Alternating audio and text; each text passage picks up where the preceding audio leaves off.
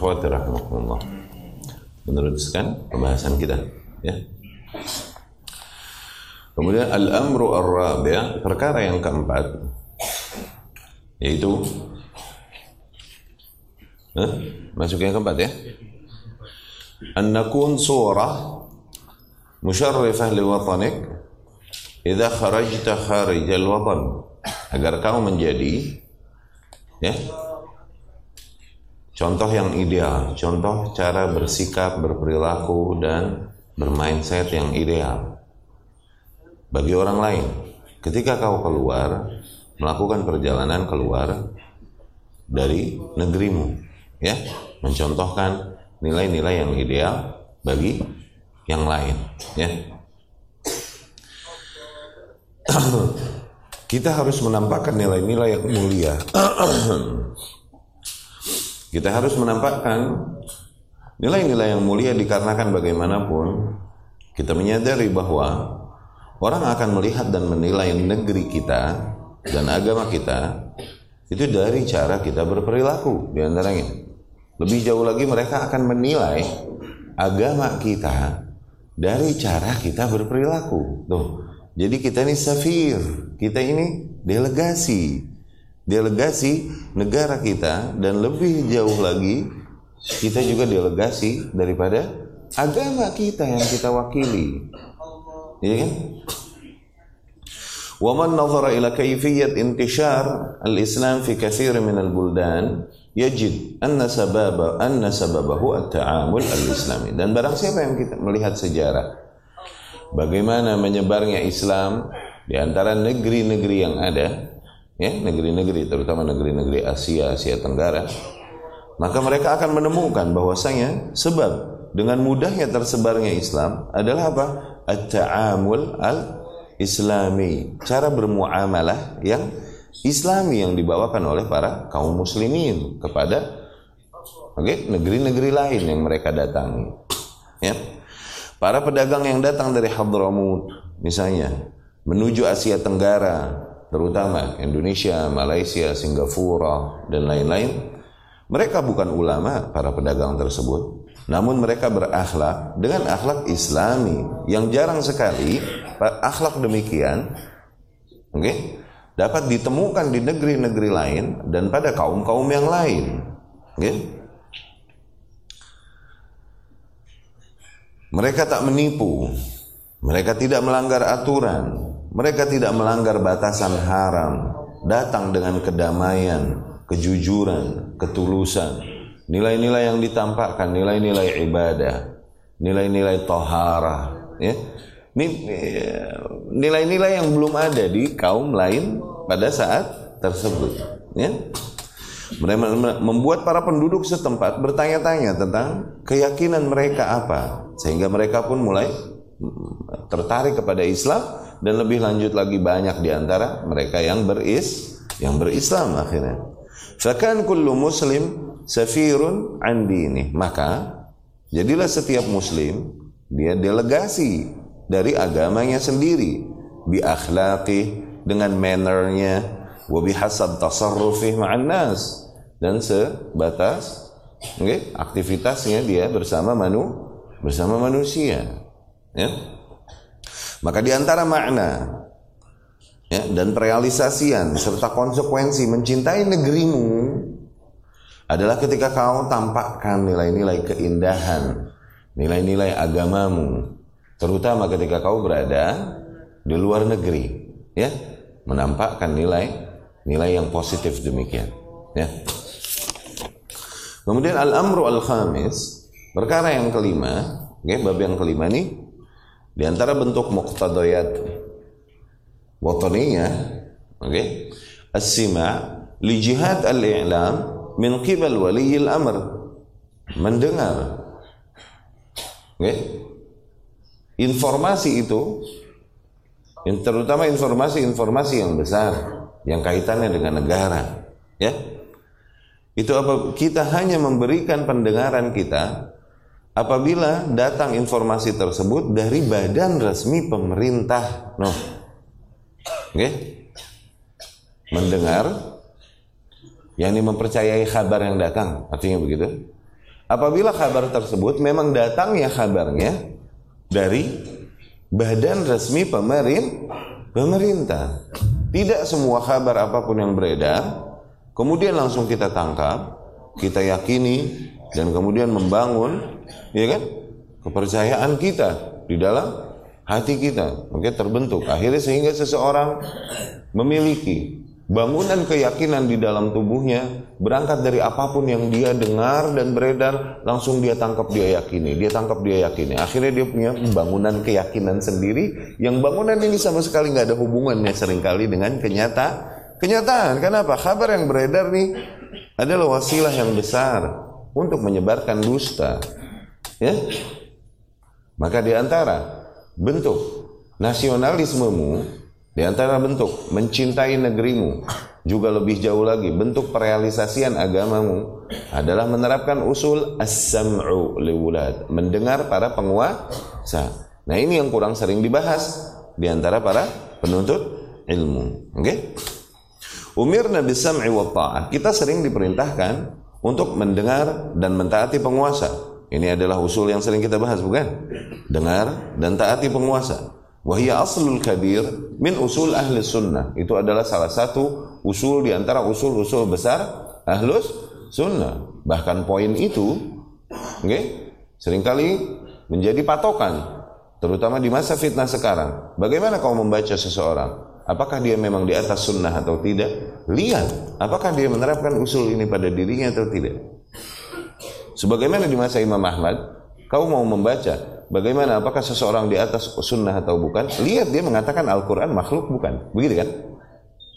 Nah demikian setiap masa punya fitnahnya masing-masing.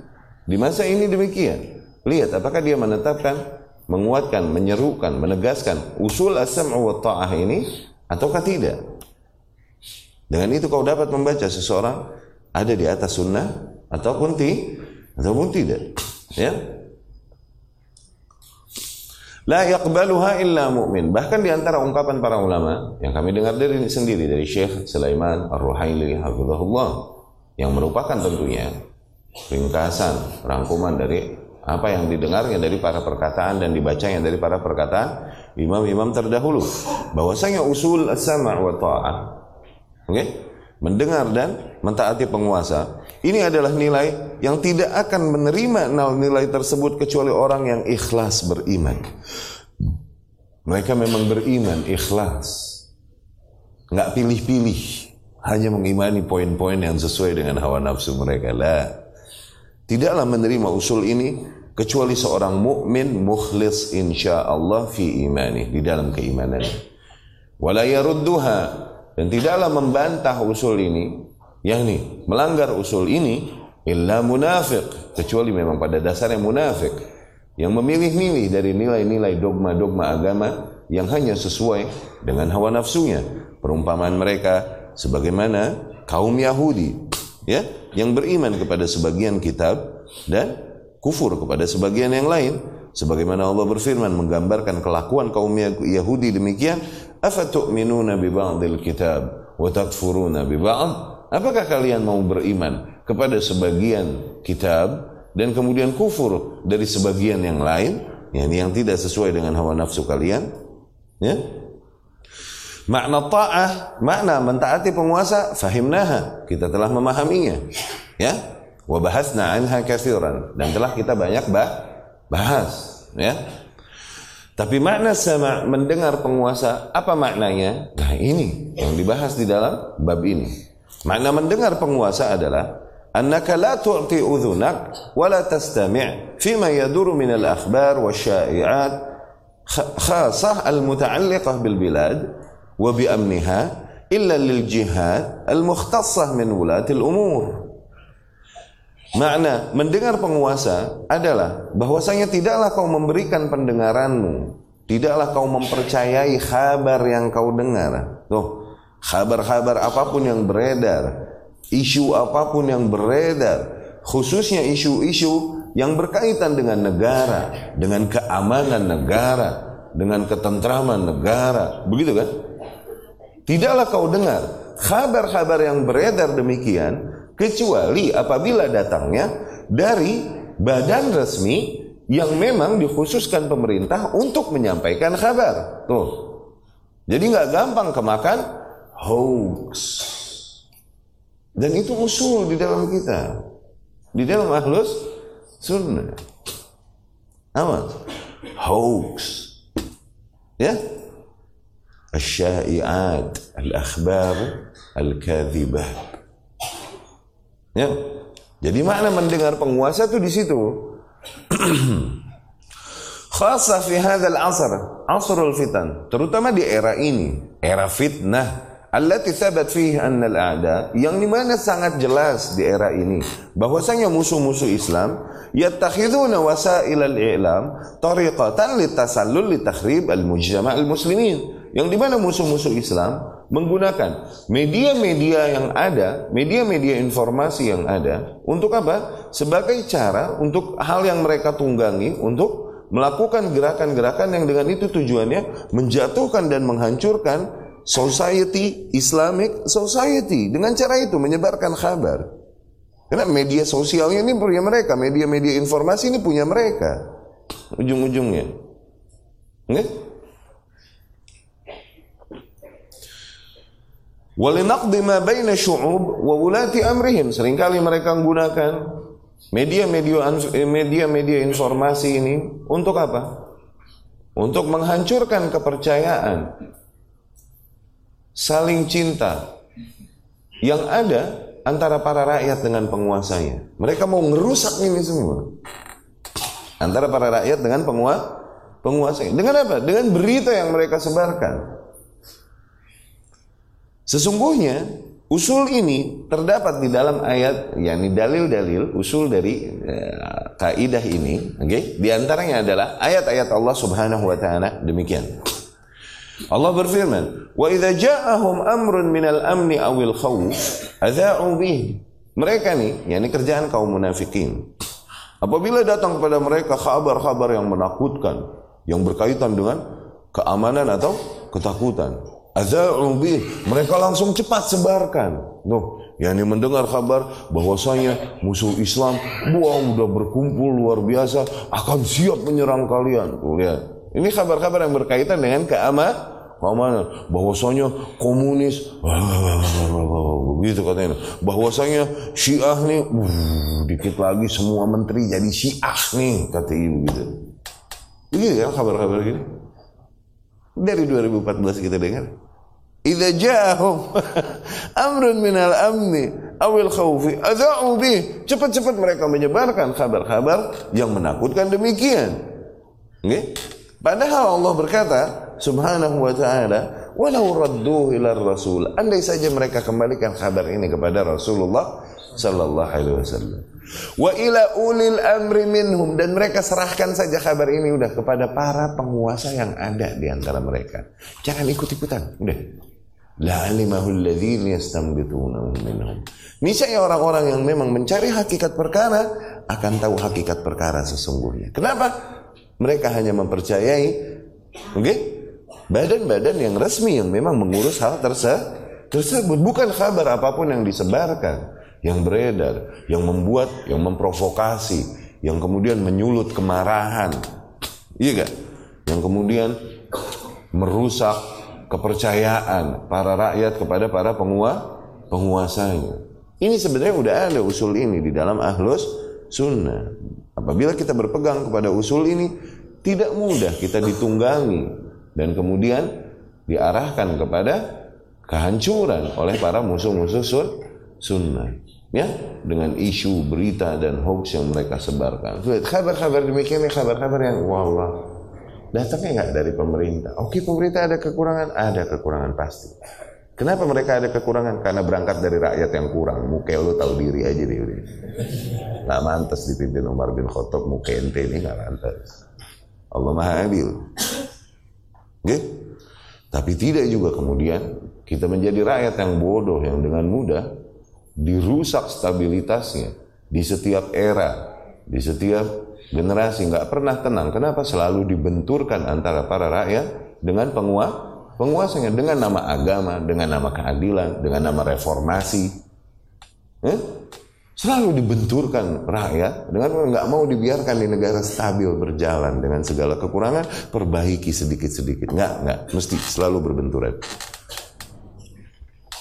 Allah pun berfirman ya ayyuhalladzina amanu idza ja'akum fasiq binaba fatabayyanu wahai orang-orang yang beriman apabila datang kepada kalian seorang fasik membawa berita maka jangan percaya dulu tabayyanu Cari dulu hakikat perkara yang tabayun. Maknanya kalau tidak bisa tabayun, maka tawakuf diam, jangan percayai juga. Kau tak bisa tabayun.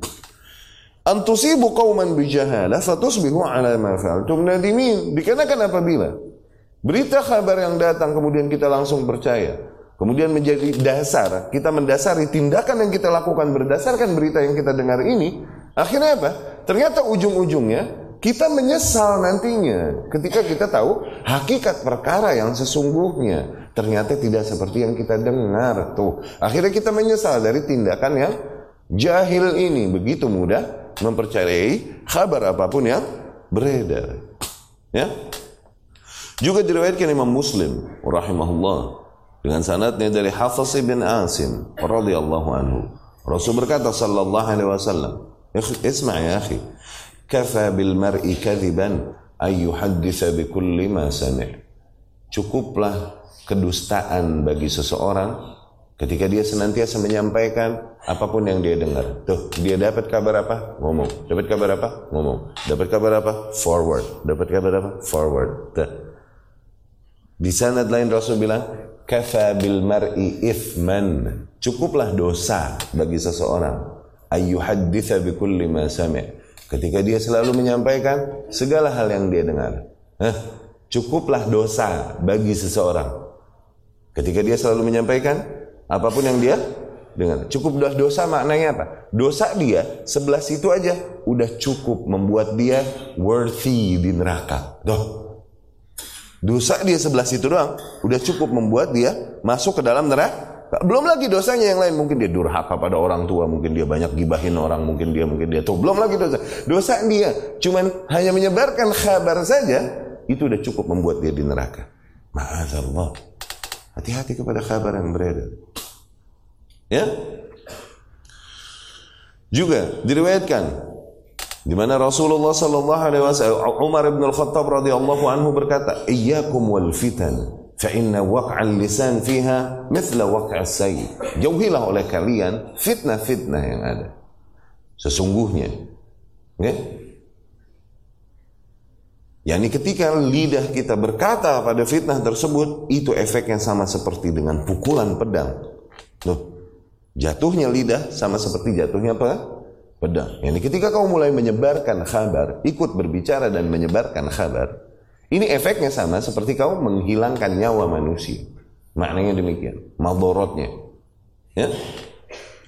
Dan kemudian Rasul pun bersabda sallallahu alaihi wasallam mengarahkan ya tasarrufat seorang muslim seharusnya man kana yu'minu billahi wal yawmil akhir falyaqul khairan aw liyasmut. Barang siapa yang beriman kepada Allah dan hari akhir maka agar hanya dia mengatakan hal-hal yang baik atau diam sama sekali.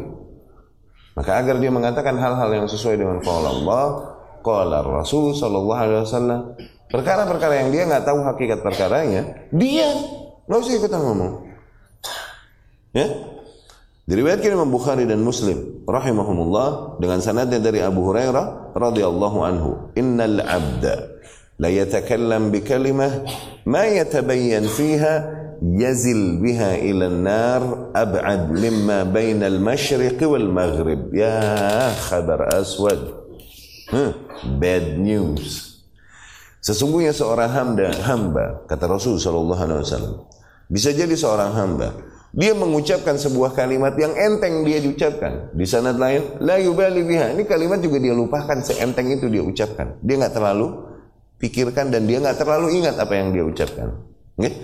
Tapi kabar yang dia ucapkan ini maya tabayyan fiha adalah perkara yang pada dasarnya dia juga nggak tahu hakikat perkaranya gimana. Dia nggak bertabayun.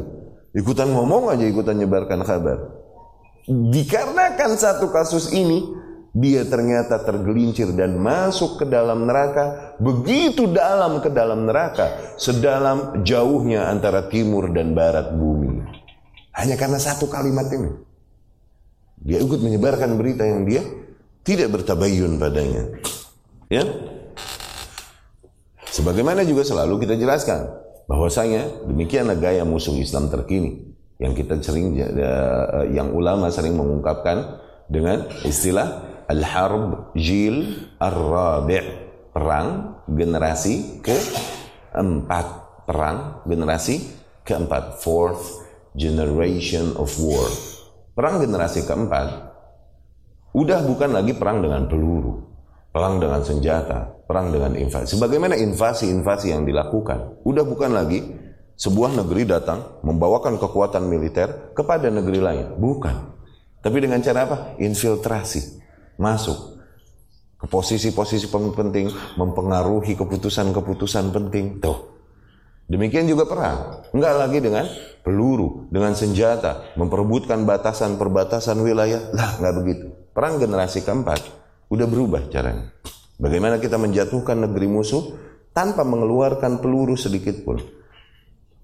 Ah, dasarnya divide et impera adu domba antar musuh satu sama lain. Unsur-unsur yang ada di negeri musuh adu domba satu sama lain. Namun apabila yang diadu domba hanya unsur agama misalnya, kurang merata hancurnya. Kenapa? Hanya di spot-spot tertentu saja. Terjadi pada kita di Ambon, di Ternate dulu. Kalau yang diadu hanya unsur racist, ras, oke? Okay? Terjadi kerusakan terjadi, cuman kurang merata. Terjadi waktu itu di Sampit. Sampit Madura. Ingat? Cuman kurang merata kan? Di situ doang kan spotnya kan? Iya kan? Gimana caranya supaya kehancuran merata? Adukan antara unsur penguasa dengan unsur rakyat. Ini baru rata. Kehancuran merata. Ini dibilang fourth generation of war perang generasi keempat. Nah, bagaimana caranya mengadu domba mereka satu sama lain? Gampang, masing-masing suapin nutrisi agar mereka membenci satu sama lain. Selalu suapi nutrisi kebencian kepada para masyarakat, kepada penguasanya dengan kabar-kabar yang di mereka suntikan terus setiap hari. Nah, sebenarnya ini old school, sebenarnya gaya klasik perang yang dilakukan oleh Abdullah ibnu Sabah and the king. Ketika masa pemerintahan Uthman bin Affan. Mereka bergerak di negeri-negeri kaum muslimin yang jauh dari pusat. Basrah, Irak, Kufah, begitu kan? Menyebarkan tentang keburukan-keburukan para penguasa. Tapi menyebarkan keburukannya bukan dalam bentuk gibah. Seolah-olah ini adalah bentuk amar ma'ruf nahi mungkar. Tuh, awal. Itulah pesan Abdullah bin Sabah kepada mereka tampakkan kepada para manusia akhlak yang manis. Tastajlib biha quluban nas. Dengan itu kalian akan dengan mudah mengambil hati manusia. Tuh, dengan akhlak yang manis kalau bisa sampai dikerubutin semut ente gampang mengambil hati orang. Nah, Habis itu azhiru lahum al-amru bil ma'ruf wan nahi 'anil munkar. Tampakkan pada mereka al-amr ma'ruf nahi munkar nahi mungkar. Amar ma'ruf nahi mungkar yang dimaksud adalah oleh mereka yaitu apa? Menyebutkan keburukan-keburukan pemerintah atau mengarang-arang berita-berita dusta tentang keburukan pemerintah. Ini yang dimaksud mereka amar ma'ruf nahi mungkar. Tuh, cerita amar ma'ruf nahi mungkar ini bukan baru zaman sekarang, bukan. Dari zaman awal fitnah awal tuh pakai hujahnya amar ma'ruf nahi nahi mungkar. Tuh. Ya, Bukan baru fitnah sekarang, dari zaman awal demikian. Digerakkanlah masa, akhirnya bergeraklah mereka semua dari kota-kota tersebut. Ke mana? Ke pusat, ke Madi, ke Madinah. Oke? Okay? Datang ribuan demonstran ke rumah Utsman bin Affan, mengepung rumah Utsman bin Affan. Dan mereka semua berkata, kami mewakili suara rakyat. Orang yang bergerak dan vokal ini biasanya minor, biasanya minor. Cuman mengaku, mengatasnamakan majority. Selalu dari zaman ke zaman. Begitu.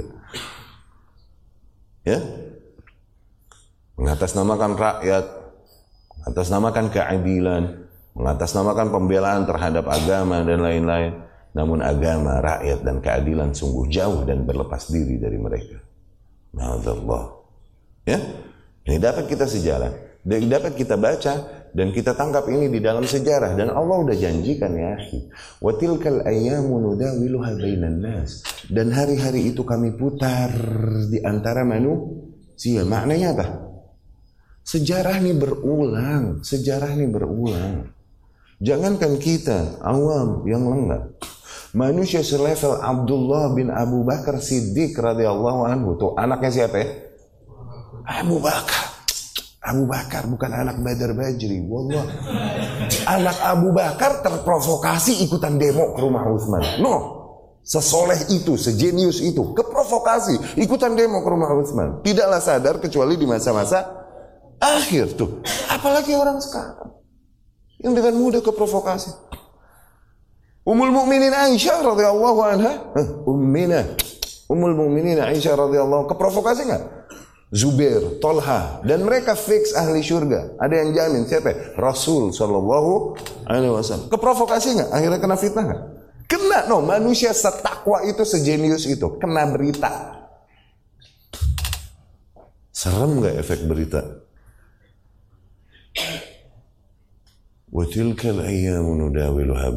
Dan hari-hari itu kami putar di antara manusia. Ali bilang radhiyallahu anhu, "Istadil bimakan ala ma yakun." Carilah petunjuk dari apa-apa yang telah terjadi dalam menghadapi apa yang sedang terjadi. Fa innal umur ishtibah. Sesungguhnya semua perkara itu sama kok, mirip. Tokoh-tokoh yang main sekarang, dulu tuh ada tokoh-tokoh yang dulu main, sekarang tuh ada tokoh itu ada. Tokoh-tokoh yang dulu main, sekarang itu ada tokohnya sama. Oke? Okay? Demikian yang terjadi. Nih, dan fitnah setiap zaman berulang, selalu berulang. Selalu berulang, selalu berulang. Ya. Maka apabila kau memang mencintai negerimu dan ingin menjaga keamanan, ketertiban, dan ketentramannya sebagai bentuk cintamu kepada negerimu, maka janganlah kau dengarkan, apalah lagi sebarkan kabar-kabar apa pun yang beredar, terutama kabar-kabar besar yang berkaitan dengan keamanan dan ketertiban negara. Dan ini juga bentuk nasihat dan kepedulian kita kepada kaum muslimin sehingga tidaklah kita dengan mudah menyebarkan kabar-kabar yang meresahkan dan menakut-nakuti kaum muslimin iya gak? resah gak sih kaum muslimin? ditakut-takutin gak sih kaum muslimin dengan kabar-kabar demikian? dikomporin Makanya istilahnya diprovo, iya kan? Diprovoka, diprovokasi. Ya? Dan demikian pula ciri-ciri orang yang beriman yang senantiasa ya?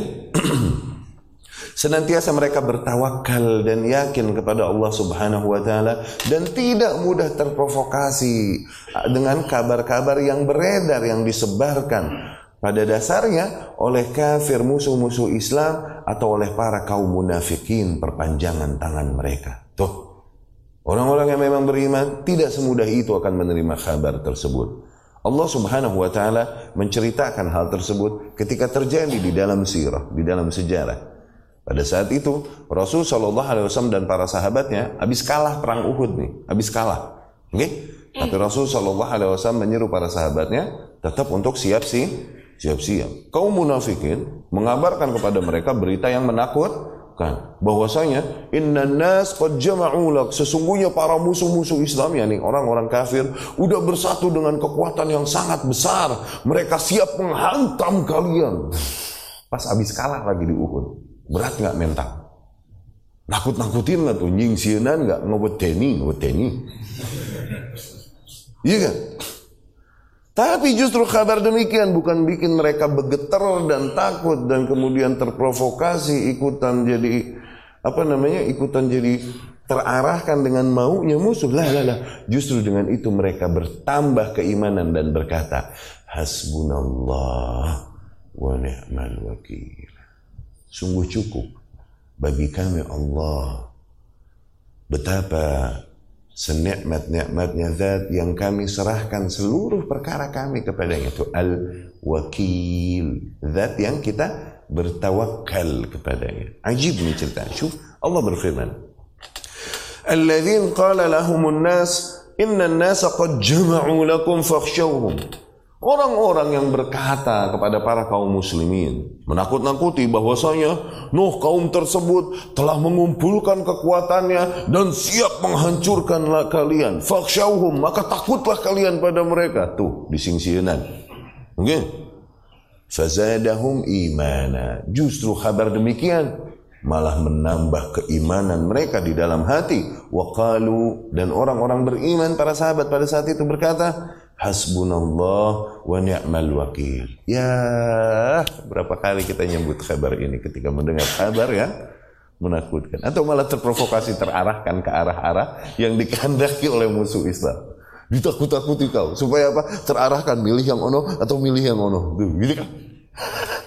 Berapa banyak di antara kalian yang enggak terarahkan dan berkata, Hasbunallah wa ni'mal wakil. Hmm? Hasbunallah wa ni'mal. Sungguh cukup bagi kami Allah. Yani Allah dengan segala kuasanya dan rahmatnya akan menutupi semua kebutuhanku, akan menjauhi keburukan-keburukan dariku. Itu hasbunallah wa ni'mal wakil. Betapa senikmat-nikmatnya zat yang kita serahkan padanya seluruh perkara kita. Tuh, bertawakal. Kita sandarkan padanya. Ya, fanqalabu bi ni'matin min Allah wa fadlin lam yansashum su wattaba'u ridwan Allah wallahu dzu fadlin azim. Dikarenakan mereka beriman, bersabar demikian, yang ada ternyata kabar yang ditakutkan tidak terjadi. Yang ada malah apa? Justru limpahan nikmat dan rahmat Allah atas mereka. Sesungguhnya Allah adalah zat yang memiliki keutamaan yang sangat besar. Tuh, lihat. Tidak selalu kabar-kabar yang menakutkan ini fakta. Enggak. Santai bawa santai. Jangan kita mengambil tindakan kita berdasarkan kabar-kabar yang beredar sembarangan. Jangan. Ya. Kemudian Allah pun berkata, menjelaskan kepada orang-orang yang beriman bahwasanya oke, okay, tentang keburukan orang-orang yang menyebarkan kabar demikian. Allah berfirman, ujungnya nih, "Innama dzalikumus syaitan yukhawwifu awliya'ah." Sesungguhnya mereka adalah setan. Syaitan yang menakut-nakuti para wali Allah. Tuh, yang menyebar-nyebarkan kabar tersebut, menakut-nakuti dan memprovokasi kaum muslimin. Siapa kata Allah? Jurig memedinya syaitan.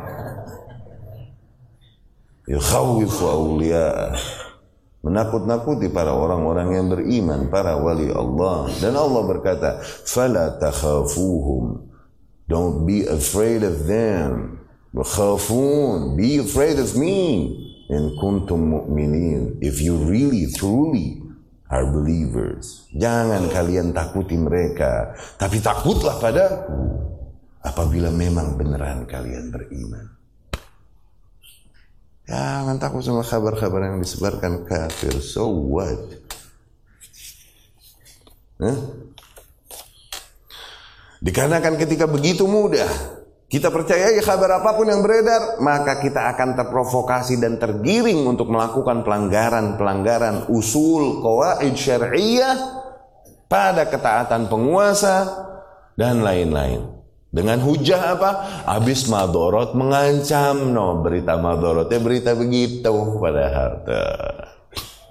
Dengan hujah madorot mengancam, akhirnya menghalalkan perkara-perkara yang diharamkan oleh syariah. Ya? Dan itulah yang dikehendaki musuh musuh Islam. Al-amrus sadis. Perkara yang keenam sebagai bentuk cinta kita, kepedulian kita kepada negara kita adalah apa? Al-isyadah atau syiar. Mengapresiasi juga mensosialisasikan, begitulah bahasanya. Al-injazat wal munjazat allati hasalat min jihat ulatil amr. Keberhasilan-keberhasilan dan prestasi-prestasi yang diraih oleh para penguasa. Tuh, Likhidmatil bilad dalam rangka membantu negara, service negara, wa umum al muslimin dan umumnya kaum muslimin. Bahasa lainnya apa? Pencitraan. Ini perlu. Lihat, dan ini contoh dari salaf, contoh dari salaf. Enggak contoh dari salaf kita enggak ngomong, kita enggak nyebut. Kalau bukan contoh, oh yang benar tak? Iya, nih lo dengerin ya. Qararna hadza li'anna al-a'da sebagaimana kita ketahui tadi. Kenapa kita tegaskan poin yang ini? Sebagaimana kita ketahui dikarenakan musuh-musuh Islam? Okay? Sebagaimana kita ketahui, mereka lahum tariqah fi fi wulatil umur biimatat zikir ayyi ijaz atau injaz yaf'aluhu waliyul amr. Mereka ini cara yang paling efektif di antara cara yang efektif yang mereka lakukan. Oke? Okay? Untuk mencela para penguasa dan merusak kepercayaan para rakyat kepada penguasanya, itu dengan cara apa? Matiin, jangan sebut prestasi-prestasi yang diraih oleh penguasa. Putar balik berita yang ada, prestasi dibikin jadi ah, aib no atau mungkin bikin berita-berita baru fitnah yang menjadi aib yang dituduhkan kepada para penguasa penguasa emang tujuannya itu nah karena musuh pakai cara ini kita mesti counter gak? Hah? iya dong kita mesti counter supaya apa? supaya jadi clarified syubhat ini ini kan syubhat gitu loh Iya kan? Yang akhirnya mengenai kaum muslimin dan kemudian mulai terkikis kepercayaannya, kecintaannya kepada penguasa, terdoronglah dia untuk melakukan pelanggaran usul di dalam apa? Mencintai, mendengar, mentaati penguasa, sesabar mentaati penguasa. Nah, ini kena, karena apa? Karena syub syubhat demikian kan? Iya kan? Nah, ini perlu clarified kan? Perlu diklarifikasi. Klarifikasi dengan cara apa? Sebutkan prestasi para penguasa justru itu perlu. Oke? Okay? Nanti kita ambil contoh yang dilakukan bahkan oleh salafus saleh radhiyallahu anhu. Oke? Misalnya di antaranya adalah kisah yang terjadi pada Utsman radhiyallahu anhu, yang dituduhkan pada Utsman radhiyallahu anhu. Oke. Utsman dituduh oleh para orang-orang yang melakukan pergerakan dan mau melakukan kudeta dan kekacauan di negeri kaum muslimin, dibikinlah isu oleh Abdullah bin Sabah dan kawan-kawan. Utsman ini radhiyallahu anhu itu menghilangkan mushaf. Karena Al-Quran, tadinya Al-Quran, mushaf-mushaf itu banyak. Tapi Uthman malah menjadikannya satu, menghilangkan yang lain. Begitu. Padahal ini justru prestasi Uthman bin Affan. Dikarenakan pada saat itu kaum muslimin belum berada di atas satu susunan Al-Quran. Sementara luas kekuasaan kaum muslimin semakin bertambah bertambah zaman Umar kan terakhir sampai Persia sampai akar-akarnya terguling. No, Romawi Syam apa udah habis sama kaum muslimin dikuasain. Iya kan? Nambah banyak orang masuk is, nambah nyebar gak? Iya kan? Nah akhirnya ketemulah muslim dengan muslim yang susunan Qurannya beda. Kiroatnya juga beda, ribet gak urusannya? Nah, Uthman bin Affan kumpulin para sahabat, kumpulin semua ayat, disusun dengan baik, ambil dari yang mushaf, mushaf yang dari Abu Bakar, terus diwariskan ke Umar, Umar terus ke Hafsah, oke? Okay? Disatuin semuanya, di, disempurnakan, oke? Okay? Jadilah mushaf Uthman. Ini dicetak banyak di negeri-negeri kaum muslimin disebarkan mushaf-mushaf atau susunan Al-Quran lain. Tuh, mushaf dalam artian susunan Al-Quran, edisi, oke? Okay? Di, dihancurkan, dibakar oleh Utsman bin Affan. Supaya apa? Kembali kaum muslimin kepada satu kesatuan kitab. Nah, prestasi gak? Diputar beritanya. Kenapa? Utsman ngerusak, menghilangkan mushaf-mushaf. Tadinya banyak Al-Quran, jadi cuma dibikin atu. Tuh lihat, munafik emang. Zindik. Gak mau menghargai karena emang tujuannya memang bukan itu. Tujuannya memang untuk menggoyang ketertiban, kestabilan negara pada saat itu. Kemudian dibilang Utsman nggak ikutan perang Badar. Ya, ini perang Badar perang yang mulia. Oke? Okay? Perang Badar adalah perang yang mulia. Muhajirin seniors, muhajirin muhajirin senior, terutama Khulafaur Rasyidin emang ikutan semua. Okay? Tapi Utsman nggak ikutan radhiyallahu anhu. Perang Badar ini perang yang mulia. Yang apabila seseorang ikut di perang tersebut, itu bisa dimutlakkan semuanya mati di situ syahid. Tapi perang yang lain, kalau Rasul nggak bilang dia syahid, maka nggak boleh kita bilang dia syahid. Kecuali Rasul bilang dia syahid ya. Ya? Tapi perang Badar semuanya syahid. Yang matinya dan yang hidupnya syahid. Itu mana? Perang Badar tuh mulianya. Oke? Okay? Bahkan Rasul berkata, "La'alla Allah qad tala ala ahli Badar." Faqal, bisa jadi Allah melihat kepada para ahli Badar, yakni para sahabat yang ikutan perang Badar. Dan Allah berkata, "I'malu ma syi'tum." Lakukanlah apa pun yang kalian mau. Faqad ghafartu lakum. Sungguh telah aku ampuni bagi kalian semuanya. Badar. Di sana lain Allah berkata, "Faqad wajabat lakum." Sungguh telah wajib atas kalian, yakni wajib atas kalian surga. Nih perang Badar. Tapi Utsman waktu itu nggak ikutan radhiyallahu anu. Nah, ini salah nih buat celah celaan, bikin deh gosip deh tuh katanya. Begitu kan? Utsman nggak ikutan perang Badar waktu tahun segitu segitu. Gitu disebarkan oleh para eh? Abdullah bin Sabah and the gang. Padahal Utsman nggak ikutan perang Badar. Ini justru kemuliaan besar. Cuk, Utsman mau berangkat, radhiyallahu anhu, istrinya sakit. Nggih? Ummu Kalsum wala Ragayah radhiyallahu anhum radhiyallahu anhum. Istrinya Utsman ini putrinya Rasul, Bro. Sallallahu alaihi wasallam. Dan Rasul bilang, di rumah aja rawat istrimu. Tuh. Innalaka ajr man syahida badran. Sesungguhnya kau mendapatkan pahala yang ikutan perang Badar. Jadi Utsman di rumah radhiyallahu anhu, dia dapat pahala dan kemuliaan yang ikut Badar gak? Dapat tetap. Bahkan dia dapat pahala apa? Ngurusin bini lagi sakit yang ikutan badar dapat pahala ngurusin bini enggak? Enggak. Dia dapat pahala lagi ngurusin putrinya Rasul lagi Maryam yang pada pagi badar ngurusin putrinya Rasul enggak? Berapa kali lipat Utsman dapat? Tuh, tapi diputar berita Utsman cabut nggak ikutan badar. Nah, udah nggak ada bagusnya aja udah. Tapi dari dulu begitu, gitu prestasi-prestasi yang dilakukan oleh para penguasa, nggak mungkin akan mereka appreciated, nggak mungkin, nggak mungkin. Apresiasi, hmm, nggak mungkin. Apalagi syukron, berterima kasih, lah, lah udah jangan harap. Harap. Mereka adalah manusia yang paling tidak bersyukur kepada Allah, paling kufur kepada Allah. Buktinya apa? Mereka paling tidak bersyukur pada manusia. Allah berkata, "Man lam yashkurin nas, lam yashkur Barang siapa yang tidak bisa dia berterima kasih, menghargai manusia, maka dia tidak bisa bersyukur, berterima kasih pada Allah. Manusia-manusia kufur pada dasarnya. Kufur nikmat. Ya? Berarti paham itu. Diputar semua berita tersebut, ya.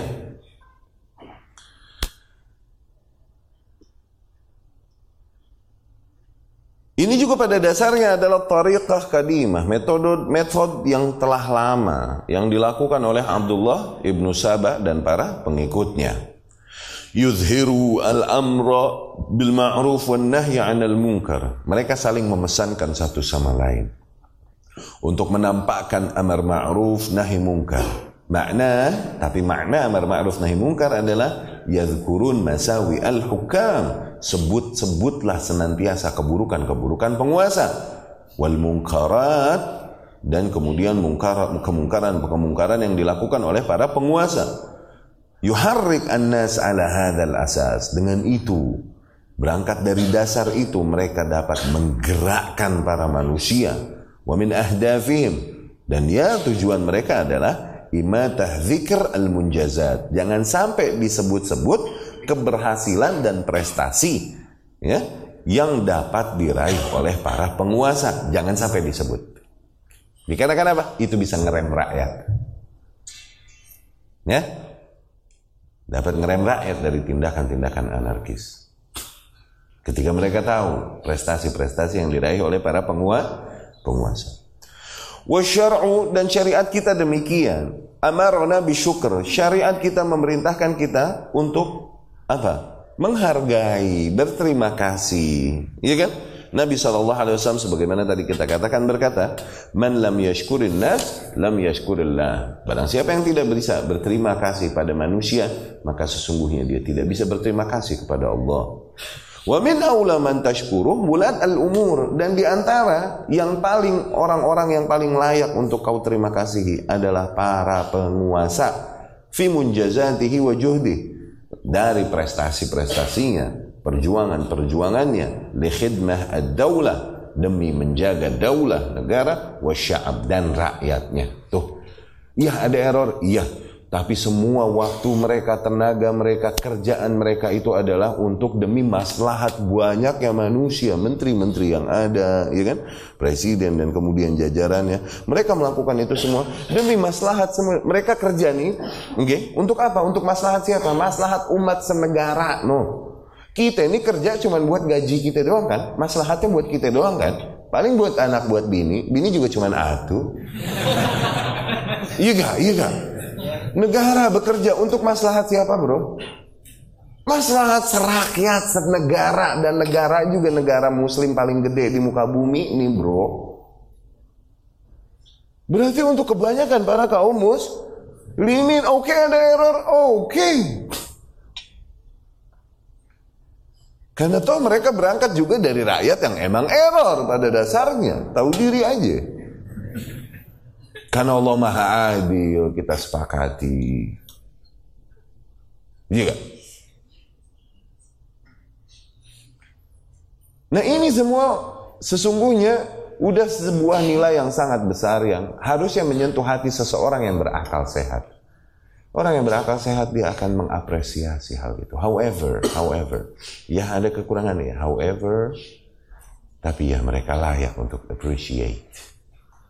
Bukan justru malah dinafikan kebaik prestasinya dan yang disebut malah keburukan demi keburukannya di, dengan tujuan apa? Menyebarkan bibit kebencian dan memupuk kebencian di hati para masyarakat kepada para penguasa penguasanya. Itu bukan jalan ahlus sunnah. Ya,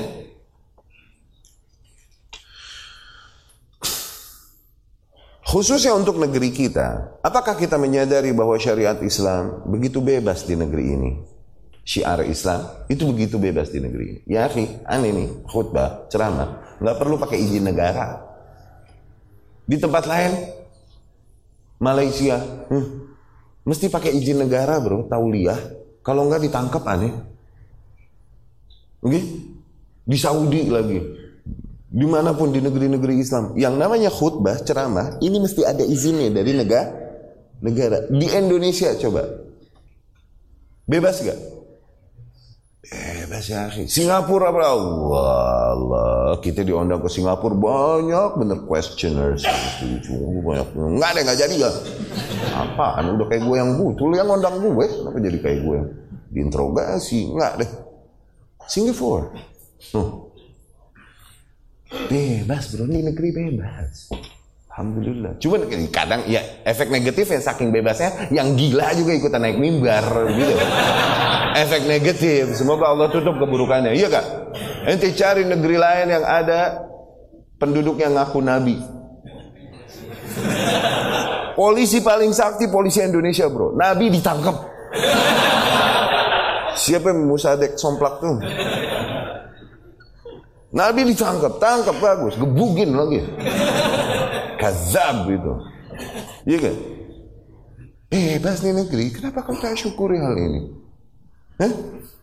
Apakah kita mengetahui bahwa dekade terakhir terkini, negeri kita adalah negeri yang mendapatkan nilai kemajuan paling pesat di antara negeri-negeri lain, sehingga para kepala negara lain pun begitu menghormati kepala negara kita economically, infrastructurally, atau maritim, kita mengalami kemajuan yang sangat pesat. Cuman ini semua ditutup oleh apa? Berita-berita yang justru lebih dimakan masyarakat adalah kebencian dan fitnah atas para penguasa. Penguasa akhirnya prestasinya kita nggak tahu. Dengan tokoh-tokoh di jajaran pemerintahan yang bahkan dunia pun sangat menginginkan tokoh-tokoh ini di badan mereka. Tapi kita seolah-olah lebih tahu dan lebih jenius daripada siapa? Daripada tokoh-tokoh ini gitu. Dah, ngaco. Salah kebijakannya nih. Aturan begini. Udah kayak kelar sekolah lo. Tinggian dia bro. Dunia minta dia. World Bank minta dia. No. Allah yahdihim. Semoga Allah kasih hidayah bagi mereka ya. Semoga Allah. Tapi World Bank minta dia. No. Akui kualitas itu yang tidak ada pada dirimu. Kok bisa muka lu so tahu? Gara-gara dia ini jadi utang lagi ini utang. Bah lu gak saya tahu muka lo. Well, denger pengen dia. Kita ini nggak tahu diri, kita ini nggak bisa appreciate, nggak bisa berterima kasih. Gitu. Apakah kita sadar bahwa di antara negeri-negeri Asia Tenggara atau di antara negeri-negeri Islam yang non Arab, awas, negeri Islam tapi non Arab, oke? Okay? Dakwah kepada tauhid dan sunnah paling masif dan pesat adalah di negeri ini. Uh, di negeri lain Wahabi Wahabi dilarang, bro. di sini wah bisa ngalegeg kita. Bebas dakwah kepada tauhid, di sini dakwah kepada sunnah ini itu kita mengingkari kesyirikan, mengingkari bid'ah. Ajib di sini di Dubai ente ngingkarin Syiah ditangkap, Bro. Dubai no, Abu Dhabi ribet padahal negara A Arab dan mengingkari bid ah, ditangkap. Nah. Jadi satu hari di bandara ada lagi nunggu terus ada beberapa orang Dubai dan cerita-cerita gitu. Dan mereka cerita tentang negeri mereka dan bagaimana pergerakan dakwah di sana. Di sana kalau kalian ngomong tentang aliran-aliran lain, ini udah cukup hujah untuk menangkap kalian. Di kita, Alhamdulillah kita masih bisa mengingkari khawarij, mengingkari syiah, mengingkari murjiah, mengingkari hizbiyah, mengingkari harakiyah. Masih santai di sini Alhamdulillah. Ini something to thank for kan. Ini sesuatu yang sangat berarti untuk kita bersyukur kan kepada Allah dan kepada para penguasa yang memberikan kita kebebasan hal ini. Alhamdulillah nggak? Cuma kita ya aja kufur. Udah segininya masih dibilang kriminalisasi agama sama ulama. Lo si kufur nikmat emang lo. Lo kufur nikmat emang lo. Segini bebasnya. Dibilang kriminalisasi agama sama umat. Yang dikriminalisasi itu emang mereka criminal aslan. They are the real criminal. You're just too stupid to understand it. Kau terlalu bodoh aja untuk memahaminya. Sebebas ini nih dakwah kita, alhamdulillah. Ya?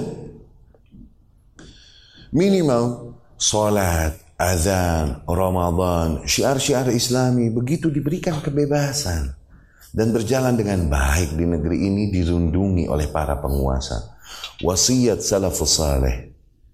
Diriwayatkan Ibnu Abi Asim rahimahullah dengan sanadnya dari Anas bin Malik radhiyallahu anhu qal, ah nih wasiat para senior salafus saleh. Oke? Okay? Para salafus saleh yang meriwayatkan siapa? Anas bin Malik junior. No, dia sigar, sahabat.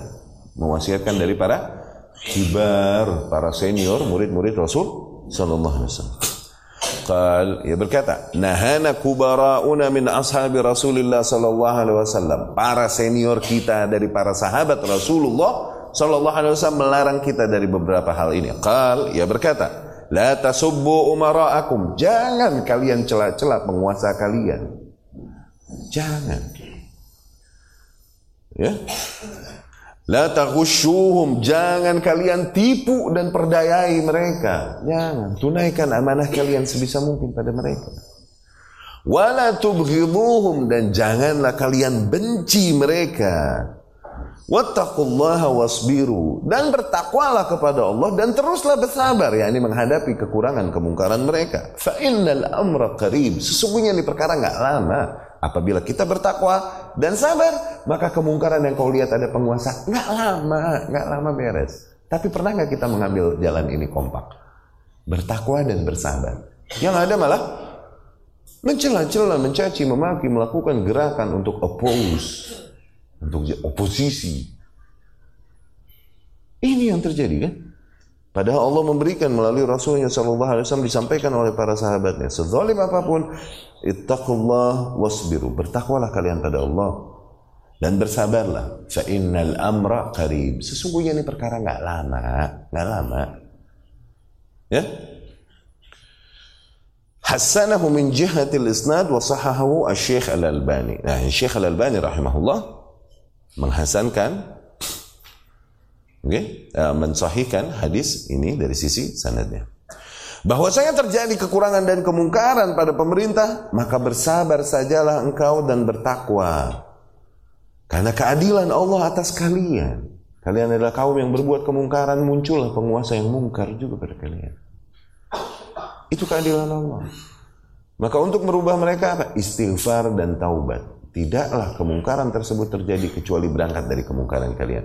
Wa kadzalika nuwalli ba'dadh dhalimina ba'dhan bima kanu yaksibun. Demikianlah kami berikan kuasa kepada orang zalim atas kaum yang berbuat kezaliman. Demikianlah kami berikan kuasa kepada zalim satu sama lain. Gitu.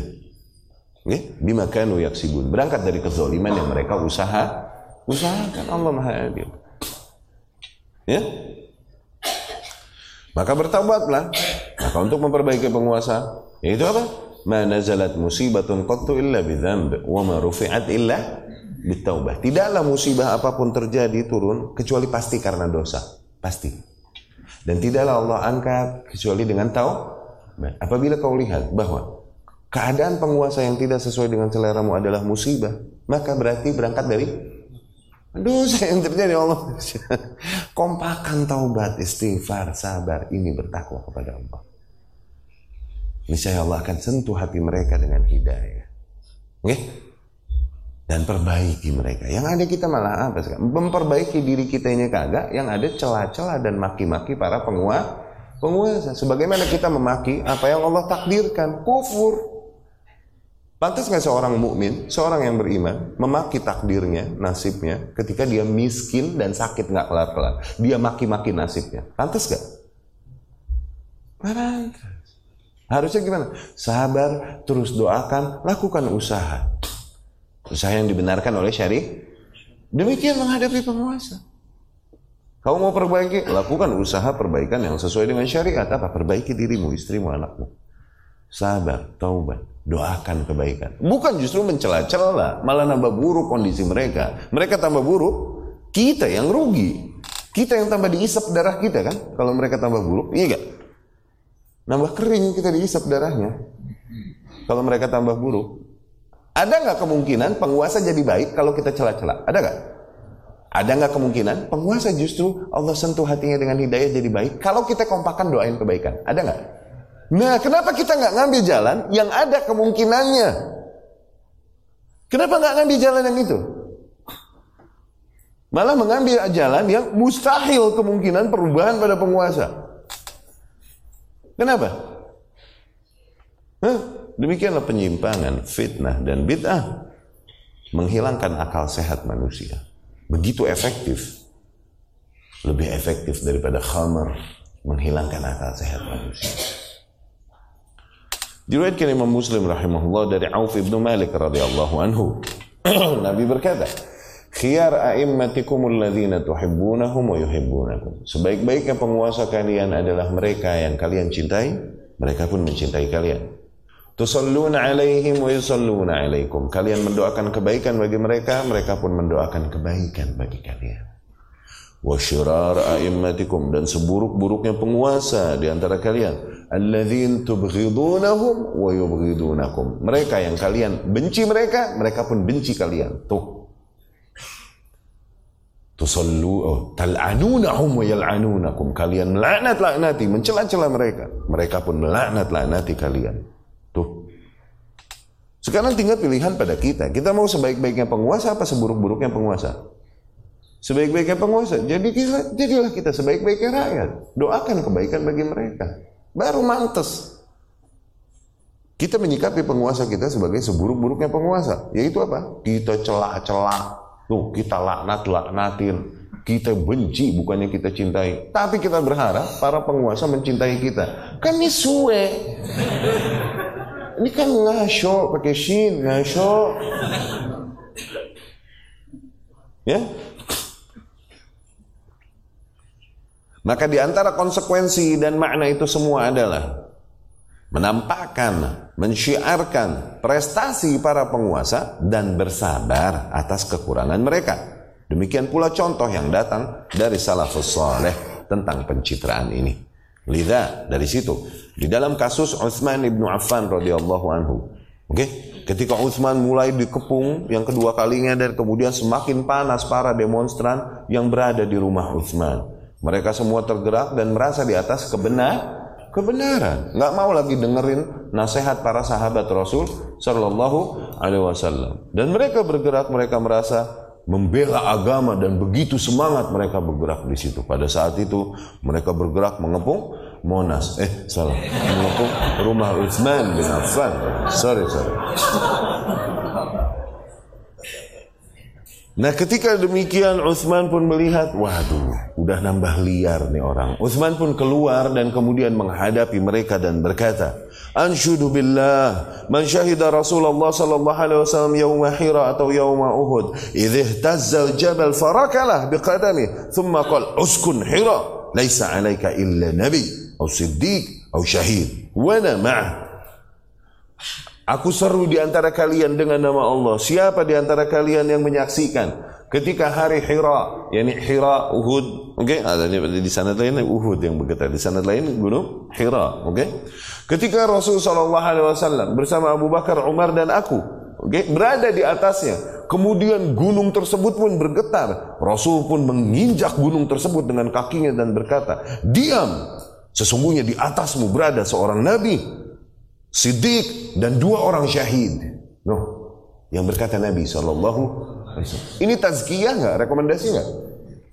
Nabi Rasul Shallallahu Siddiq, Abu Bakar, dua orang syahid, Umar dan Us. Dan aku nih segini-gini nih yang kalian benci ini masih dibilang syahid loh sama Rasul. Maksudnya aku orang baik nih. Kok bisa kalian membenciku dengan semua tuduhan ini? Sulit. Utsman mencoba mengcounter itu dengan mencitrakan keutamaan-keutamaan yang ada padanya. Kemudian dia berkata, "Anshudu billah man syahida Rasulullah sallallahu alaihi wasallam yaum bai'at Ridwan, iz ba'athani ila al-musyrikin min ahli Makkah, qala hadhihi yadi wa hadhihi yad Utsman fabay'li." Fantashadaha lahu rijal. Aku seru di antara kalian dengan nama Allah. Siapa yang di antara kalian hadir pada saat bai'at Ridwan? Waktu itu kaum muslimin datang dari dari Madinah mau umroh masuk Mak Mekah. Udah pada pakai baju ihram. Udah siap nih mau masuk. Ternyata ditahan sama kaum musyrikin. Utsman diutus ke dalam. Karena Utsman dihormati. Tadinya Umar yang mau diutus. Radhiyallahu anhu. Umar bilang ya Rasulullah di dalam nih. Ya nih aku kurang disegani. Utus Utsman Utsman lebih disegani oleh mereka. Aku lebih dibenci daripada disegani. Aku lebih dibenci. Utsman memang disegani karena manisnya akhlak dan kedermawanan yang luar biasa mereka akui. Nah tutus Utsman ternyata Utsman masuk gak keluar-keluar. Tersebar gosip Utsman dibunuh radhiyallahu anu akhirnya Rasul pun pada saat itu siap-siap perang ya kan? Mau perang hampir tapi nggak nggak sampai perang. Dan menyeru bayat dulu para sahabat. Ayo sumpah setia. Dan berkali-kali sering Rasul memperbaharui bayat mereka. Sumpah setia sampai ma mati. Bayat ini namanya bayat Ridwan. Zain? Waktu itu sahabat bayat satu-satu tangan Rasulullah Sallallahu Alaihi Wasallam. Utsman bisa bayat nggak? Nggak ada kan? Di luar kan? Eh di, di Mekah kan? Rasul sendiri mewakili Utsman bin Affan. Hadhihi yadu Utsman nih tangannya Utsman. Aku bayat dia.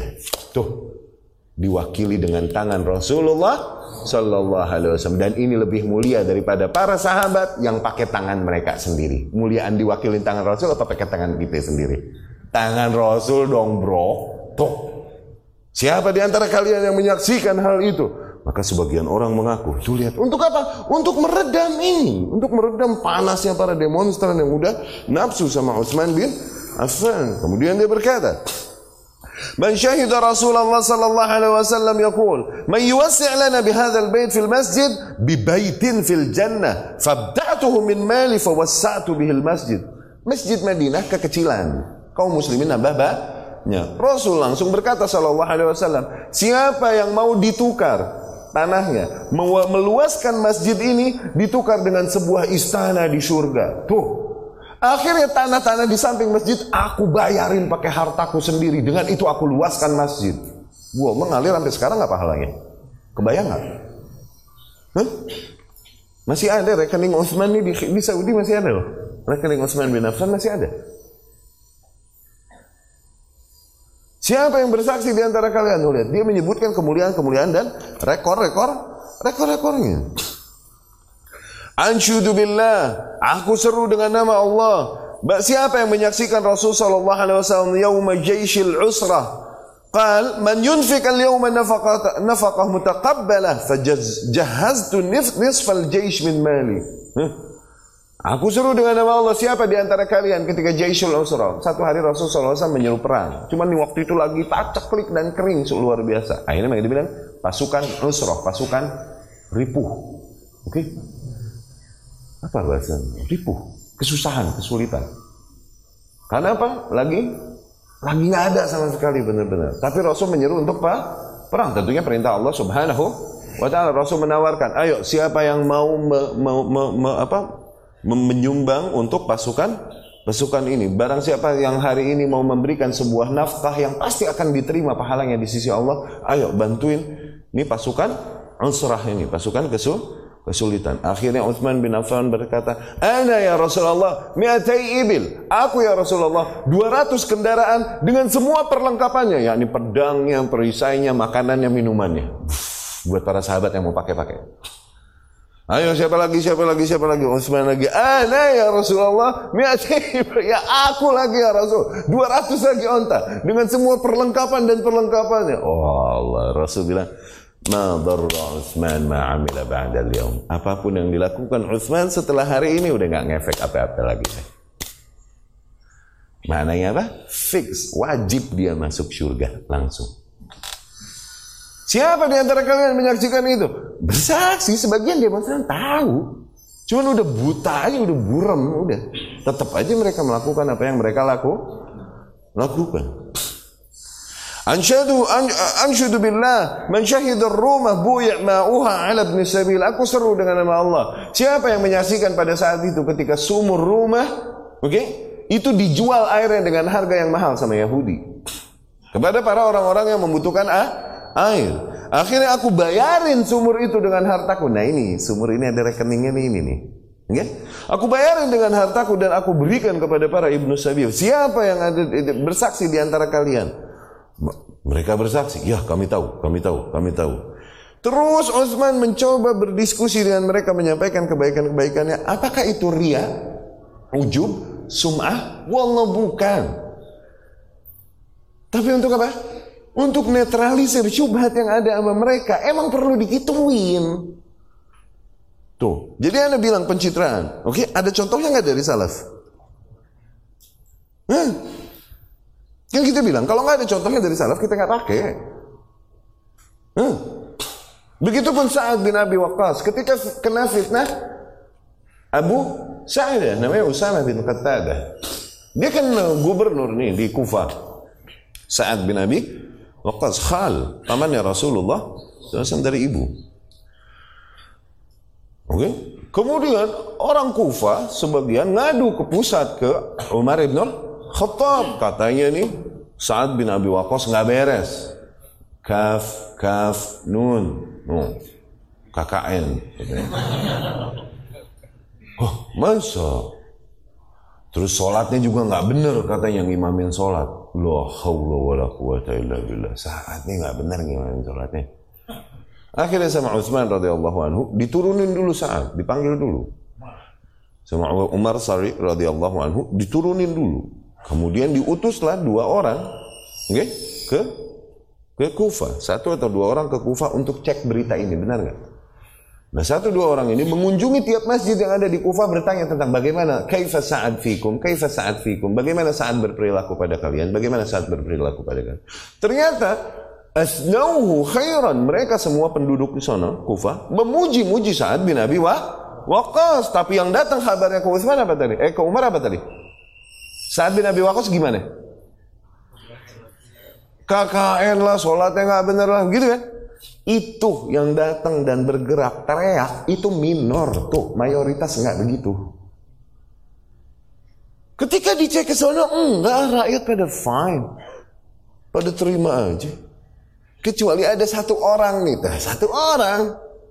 Namanya Usamah bin Qattadah yukna Abu Sa'dah kunyahnya Abu Sa'dah namanya Usamah bin Qattadah dia berkata dengan manisnya ya salam Amma inna syadtani billah. Adapun apabila kau tanya kepadaku dengan nama Allah. Berat, aku harus jujur tentang saat ini gila. Begitu lah. Amma inna syadtani billah. Begitu. Begitu manisnya dia bungkus kemunafikannya dengan lisannya.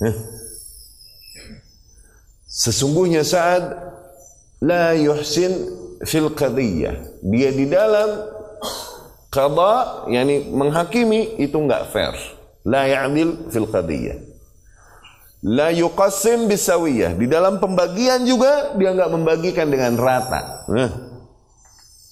wala yamshi fis sariyah. Dan dia juga tidak ikut pergi bersama pasu pasukan tuh berarti selain sholatnya nggak benar ada tuduhan-tuduhan lain lagi nih begitu kan disampaikanlah kepada Sa'ad bin Abi Waqqas. Di situ sakitnya hati Sa'ad bin Abi Waqqas. Dan di situ dia sebutkan keutamaan-keutamaannya. Dan itu bukan ria, bukan ujub, bukan sum'ah. Wallah. Fungsinya apa? Sekali lagi. Netralisir syub, syubhat. Ana, kata dia. Ana awwalu man rama bisahmin fil Islam. Aku adalah manusia pertama yang melemparkan anak panah di dalam Islam. Ini Islam telah terbentuk menjadi sebuah pasukan. Belum melemparkan anak panah sehingga saat melakukan hal itu pada saat itu ketika sebelum perang Badr. Rasul mengutus beberapa orang pasukan untuk memata-matai pasukan kaum musyrikin. Ketawa nama kaum musyrikin, balik lari dikejar. Saat menyuruh para sahabatnya pergi duluan dan dia paling belakang. Karena dia jago mana. Tuh, pas di belakang dia, Sambil setiap orang satu dekat dia hajar pakai panahnya, dia hajar pakai panahnya, dia hajar pakai panahnya, dia melindungi sahabat-sahabatnya yang di, di depan. Terus sampai kepada Rasul SAW semuanya sehat wal afiat, selamat, dilindungi oleh punggung panahnya saat bin Abi Waqqas. Di situ dia bersenandung dengan syairnya, "Ala hal balagha Rasulullah anni hammaitu hammaitu zuhura ashabi bi dhahri nabli." Itu gitu. Oke, okay? segitu rekor, rekor dan pengorbanan saat bin Abi Waqqas. Sekarang dia menghinaku, mencelaku begini. Uh. Radhiyallahu anhu sakit. Akhirnya dia mengangkat tangannya saat ya kalau saat mengangkat tangannya akhi, orang-orang yang beriman bergetar ngeri. Kenapa? Doanya pasti dikabulin saat itu. Ya setiap mukmin doa dikabulin ya, tapi saat nggak pakai dipending radhiyallahu anhu. Itu saat nggak pakai dipending. Kenapa? Doa Rasul SAW. Allahumma ajib li sa'din idha da'at. Ya Allah, kabulkan bagi saat apabila dia berdoa bagimu. Allah. Satu. Kedua, dia dizolimi, mazlum. Seorang hakim, penguasa yang dizolimi oleh rak rakyatnya, difitnah oleh rakyatnya. Nambah lagi dikabulin sama Allah subhanahu wa ta'ala. Iya. Dia mengangkat tangannya dan berkata, ad'u lahu thalathan. Aku akan berdoa tiga hal. Allahumma in kana hada. Ya Allah apabila dia melakukan hal tersebut. Ria'an linnas berangkat dari riaknya kepada manusia, yakni bukan ikhlas karena amar ma'ruf nahi mungkar, bukan, tapi karena ria, karena menginginkan nikmat duniawi, karena hasud pada kami, oke? Okay? Maka aku doakan Allah atil umrah, panjangkan umurnya atil fakrah panjangkan kefakirannya. Eh? lil fitan timpakan dia fitnah. Ternyata beberapa zaman setelah itu okay, si periwayat yang meriwayatkan kisah ini dari para sahabat okay, ini akhirnya mereka melihat ini orang tua yang didoain sama Sa'ad bin Abi Waqqas. Wallah Demi Allah, kami telah melihat tuh orang yang memfitnah saat di pinggir jalan. Wa qad saqatat hajibah. Dua alisnya udah jatuh ke bawah. Kebayang gak tuanya?